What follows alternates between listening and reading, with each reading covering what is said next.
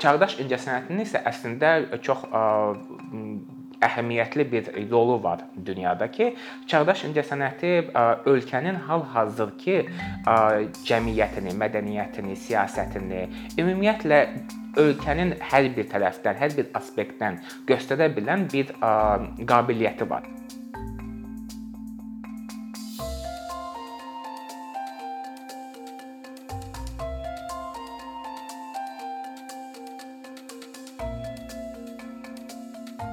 Son illərdə biz bir çox mədəniyyət irsinin qorunması ilə bağlı layihələr görə bilirik və təbii ki, buna da dövlət tərəfindən bir çox maliyyələşmənin ayrılmasını gördük. Amma buna baxmayaraq biz son ümumiyyətlə 5-6 ildir ki, demək olar ki, çağdaş incəsənəti sahəsində məhz heç bir demək olar ki, heç bir maliyyələşmənin şahidi olmuruq.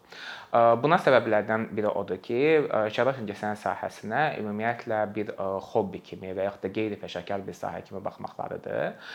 Və bu da təbii ki, yerli çağdaş sənətçilərinin, müasir incəsənət işçilərinin beynəlxalq səhnəyə, beynəlxalq daha da tanınmalarına, dairələrinə çıxmaqlarına çox böyük bir maneə yaradır. Bunun üçün biz belə bir ə, jurnallar baxa bilərik, dünya jurnallarına baxa bilərik. Hansılarında ki, məsəl üçün Artnet adlı bir ə, jurnal var ki, ilin hər il, hər il ə, keçmiş ilin 100 ən vacib, 100 ən daha çox işləmiş incəsənət işçilərinin, mədəniyyət işçilərinin, sənətçilərinin siyahılarını hazırlayır. Və baxmayaraq ki, bu siyahı artıq 1965-ci ildən bəri hazırlanır. Hələ indiyənə qədər heç bir zaman Azərbaycanlı sənətçi ora düşməyibdi. Yəni burada bizim sadəcə regionun ignor olunması deyil, çünki orada biz görə bilərik Gürcüstandan, Qazaxıstandan və yaxud da Ermənistandan olan sənətçiləri, amma Azərbaycandan heç vaxt heç bir sənətçi sənətkar ora gedib çıxa bilməyibdi. Düşə bilməyibdi siyahıya. Səyahıya düşməkləri üçün çox vacibdir ki, təbii ki, sənətçilər aktiv olaraq sərgilənsinlər, aktiv olaraq fərqli-fərqli rezidensiyalarda iştirak eləsinlər, networklərini böyütsünlər və bunun kimi fərqli-fərqli proqramlarda da iştirak edə bilsinlər. Bu proqramlarda iştirak eləmələri də təbii ki, birbaşa olaraq bağlıdır ölkədən olan maliyyələşməyə. Qonşu ölkələrdən məsəl üçün biz həmçinin bir maraqlı bir tərəfə də baxa bilərik ki, məsələn bu siyahıya həmçinin düşənlərin bir çoxları Creative Europe proqramından gələ bilənlər də olubdu. Məsəl üçün Creative Europe belə bir proqramdır ki, ümumiyyətlə Avropa yaradıcı Avropa proqramıdır və hər il minimum 2 milyard pul ayrılır. Hər il yox, hər 7 il bu proqramın maliyyələşməsinə, bu proqramda iştirak edən sənətçilərin, təşkilatların, incəsənət mədəniyyət mərkəzlərinin iştirak etməsi üçün, maliyyələşməsi üçün hər 7 ildə 2 milyarda yaxın pul ayrılır. 2014-cü ildən bu proqram başlasa da 2014-21-ci il ərzində artıq bizim qonşu ölkələrimiz, məsəl üçün Türkiyə, Qırğızstan və Ermənistan siyahıya artıq daxil olubdu. Bu siyahıya daxil olmaq nə deməkdir? Məsəl üçün bu proqramın çərçivəsində hər, hər bu 7 il ərzində bir çox qrantlaşma, maliyyələşmə, bir çox təkmilləşdirilmə proqramları baş verir sənətçilər üçün və həmin ölkədən olan sənətçilər də təbii ki, çox orqanik şəkildə bu proqrama müraciət edib iştirak edə bilirlər. Məsəl üçün Ermənistan bu proqrama 2014-cü ildə daxil olubdu və 2015-ci ildə isə məhz bu proqramda iştirak etmiş Kreativ Europe-un sayəsində maliyyələşmiş proqramlarda iştirak etmiş sənətçilər 2015-ci ildə Venesiya Biennalesində Qızıl Şir mükafatını qazanıblar milli pavilyona görə. Halbuki Azərbaycan Venesiya Biennalesində 2009-cu ildən iştirak eləyir, amma indiyənə qədər bu sərgilər heç vaxt çox böyük bir dünya beynəlxalq medianın diqqətində olmayıbdı. Heç vaxt heç bir müstəqil və yaxud da milli mükafatları almayıbdı və heç vaxt da nominant belə olmayıbdı. Bu hamısı belə bir sistem kimi işləyir ki, sənətçilər özləri müstəqil olaraq inkişaf eləyirlər, fərqli proqramlarda iştirak eləyirlər və bu gətirib çıxardır təbii ki, sənətçilərin dünya miqyasında məşhur olmasına, tanınmasına və həmin yolla da bu fərqli-fərqli mükafatları uda-uda bu ə, siyahılara Ad Power məsəl üçün siyahısına belə ən çox tanınmış siyahılardan biridir və yaxud da Vanguard siyahısı hansı ki ATSI jurnalının ə, listidir, ə, siyahısıdır. O siyahılara gəlib düşməsinə gətirib çıxardır. Ə, və təbii ki, həmin siyahılara gətirib çıxartmalarından sonra isə ən yaxşı bir ə, addım olur ki, sənətçilər üçün onlar hər hansı bir qalereya tərəfindən artıq təmsil olunmağa başlayırlar. Və bu təmsil olunma artıq sənətçinin karyerasında sustainable bir davamcıl ola bilən, davamlı ola bilən bir addım deməkdir. Yəni bu çox vacib bir məqamdır burada. Bizdə ümumiyyətlə belə bir ə, sistem var ki, ölkədə ə, bizdə ə, müstəqil sənətçilərə dövlət tərəfindən heç bir maliyyələşmə, maliyyə yardımı yoxdur. Demək olar ki, bir çox sərgilər, bir çox çağdaş sərgiləri sadəcə olaraq sərgi olunsun deyə olunur və bu heç bir zaman gətirib sənətçinin və yaxud da çağdaş incəsənət sahəsinin ümumilikdə inkişafına gətirib çıxartmır. Çünki hər bir sərgini edərkən təbii ki, biz ə, nəzərə almalıyıq ki, baxmalıyıq ki, bu sərgi nəyə xidmət edir? Kimə fayda göstərir. Nə üçün biz edirik bu sərgini? Və yenə də prioritet olaraq beynimizdə tutmalıyıq ki, bu sərgilərin məqsədi sənətçilərin inkişaf eləmələri etməsidir. Sənətçilərin yeni işlərini göstərməsidir.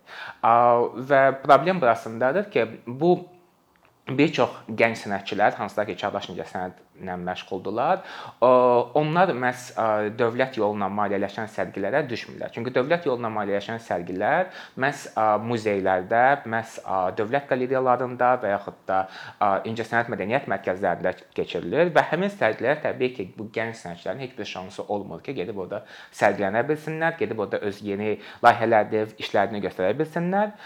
Bu da belə bir başqa bir maneədir ki, gənc sənətçilərin gedib ora çıxmaqlarına. Yəni demək olmaz ki, mədəniyyət və incəsənətə Azərbaycanda ümumiyyətlə pul ayrılmır.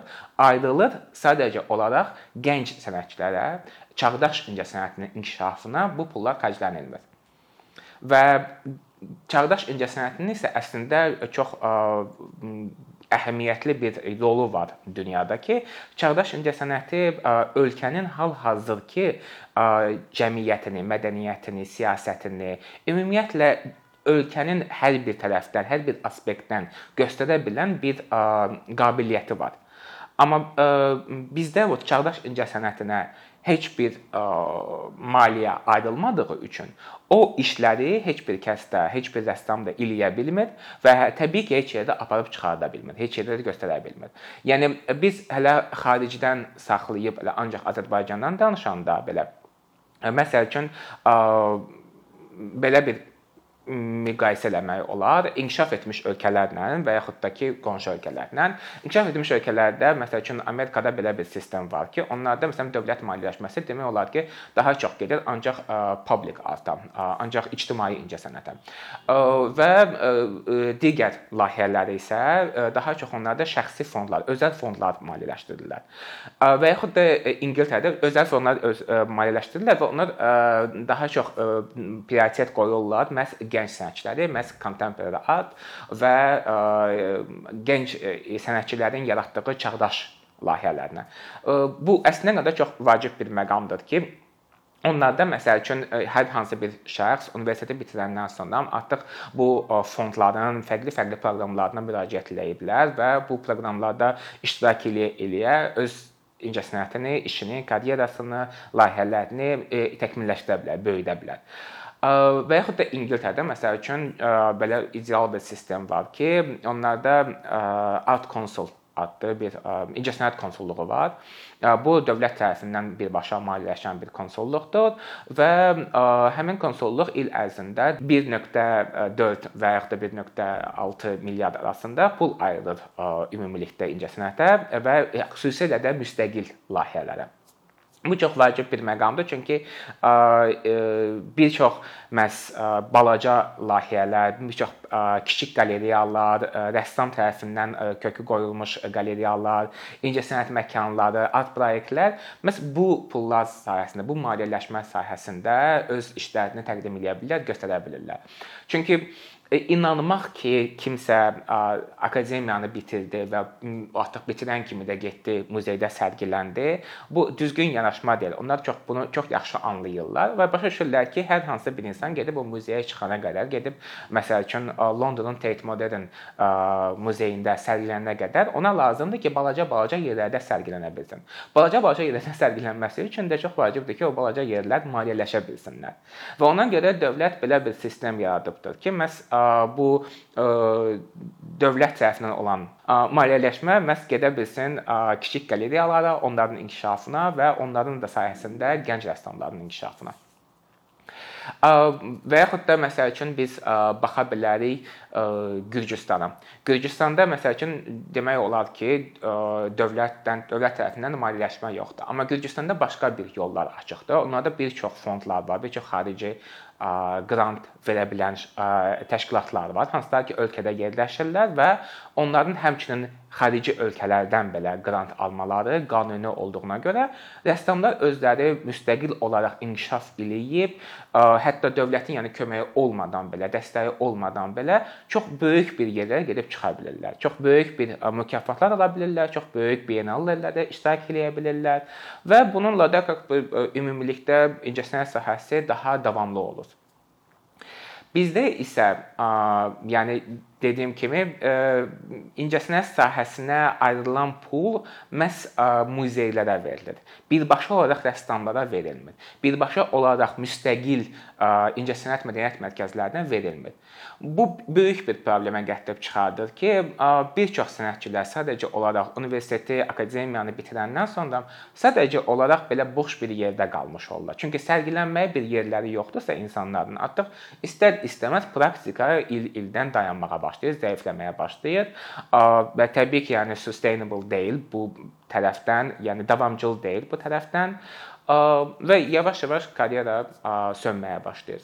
Məsələn, mən əvvəldə qeyd elədiyim kimi, biz bizdə bir çox maliyyə işləri görülür, maliyyələşmə qoyulur məhz mədəni irsin qorunmasına.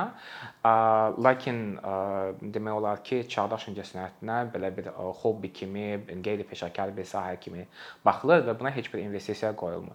Amma biz həmçinin yadımızda saxlamalıyıq ki, mədəni irs ümumiyyətlə necə yaranıbdı?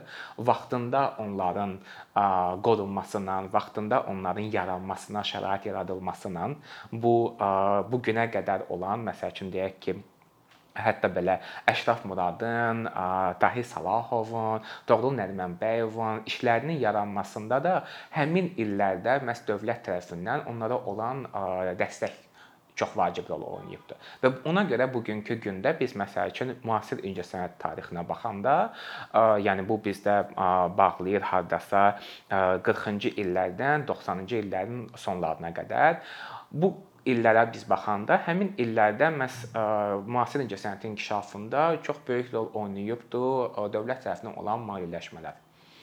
Yəni biz o vaxtdan bəri əgər ə, indi bu dəqiqə və yaxud da biz ə, heç bir sənətçiyə, heç bir ə, mədəniyyət incəsənət işçisinə maliyyə dəstəyi olmasa, bugünkü gün ölkədə nə baş veribdi, biz onu 10 il sonra belə görə bilməyəcəyik.